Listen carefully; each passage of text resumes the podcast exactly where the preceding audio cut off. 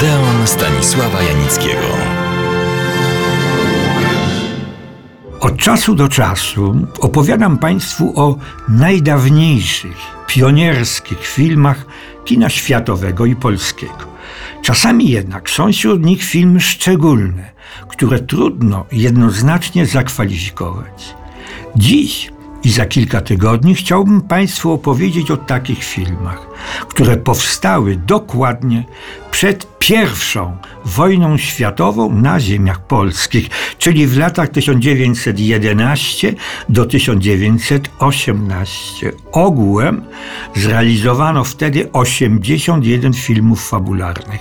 W tym było 17 filmów odrębnych, wyróżniających się pod wieloma względami. To były filmy żydowskie. Ale co to znaczy film żydowski? Znaczy to tyle, że realizatorzy tych filmów poruszali i przedstawiali świat i problemy Żydów polskich, których po I wojnie światowej i w następnych latach żyło w Polsce ponad 3 miliony. Nic więc dziwnego, że zaczęły powstawać filmy dla nich przeznaczone. Za film żydowski uważa się taki, który poświęcony jest społeczności żydowskiej. Jej problemy były zresztą podobne do tych społeczności polskiej, ukraińskiej, niemieckiej, żyjących na terenie Rzeczpospolitej. Szczegółowi. Za film żydowski uważa się taki, w którym aktorzy żydowscy mówią w jidysz. W tym przypadku w wersji aszkenazyjskiej, czyli tej, którą posługiwali się Żydzi żyjący w środkowej i wschodniej części Europy. Filmy te wyświetlane były wyłącznie w kinach żydowskich, przeznaczonych dla ludności żydowskiej. Oczywiście każdy mógł tam oglądać te filmy. Zaczynam od pierwszych filmów zrealizowanych w roku 1911. Ograniczę się do przedstawienia, tam gdzie to możliwe, treści tych krótkich filmów. O hasycce i odstępcy nigdzie opisu fabuły nie znalazłem, ale o zabójcy z nędzy, inny tytuł idiota, tak, oto ono. Stary wdowiec, kupiec Leiblich, żeni się z piękną, lecz nieuczciwą Zeldą, która go niszczy i rujnuje. Szczególnie cierpi najmłodszy syn Leiblicha, umysłowo chory Lemech, zwany przez wszystkich idiotą. Młodzieńca dręczy pożądanie, jakie w nim wzbudza młoda macocha. Ciekawe, że znalazłem zupełnie inne streszczenie. Film, cytuję, pokazuje losy biedaka, który doprowadzony do rozpaczy przez bogatego kupca zamordował go. Stał się bogaty dzięki zagarnięciu pieniędzy zamordowanego, ale sprawiedliwość go w końcu dosięgła. O macosze die Stiefmutter też nic bliższego nie wiemy.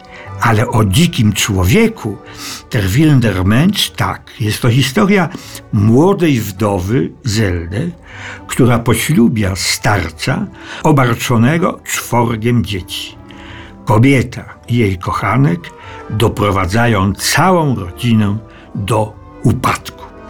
W tym samym stylu utrzymany jest też adaptacja sztuki Jakuba Gordina Okrutny ojciec, der Wilder Vater. W pewnej wsi mieszka żydowska rodzina rolnika Zachara.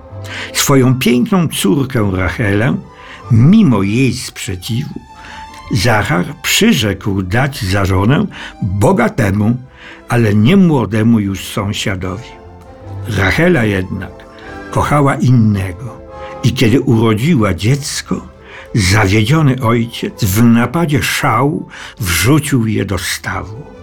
Rachela topi się z rozpaczy, a okrutny ojciec, myśląc ciągle o swej zbrodni, rzuca się ze skały w przepaść.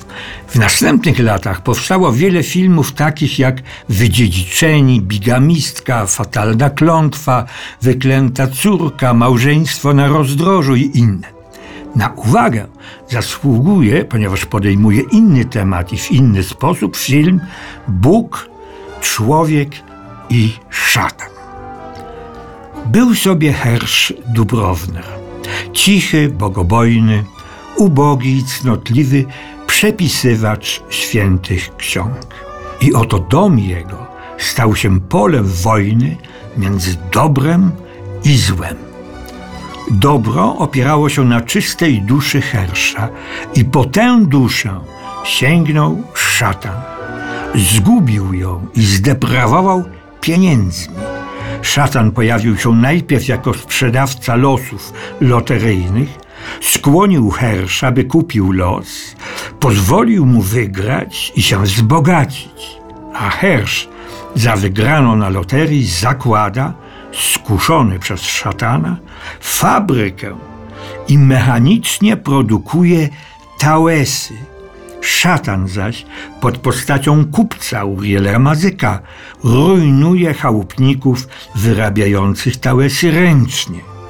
Lecz szatan nie może zwyciężyć Hersza Dubrownera, gdy ten tkwił już po uszy w grzechach, sam wymierza sobie karę. Popełnia samobójstwo. A za trzy tygodnie przedstawiał Państwu najgłośniejsze filmy żydowskie zrealizowane przed zakończeniem I wojny światowej. Do Odeonu serdecznie zapraszam.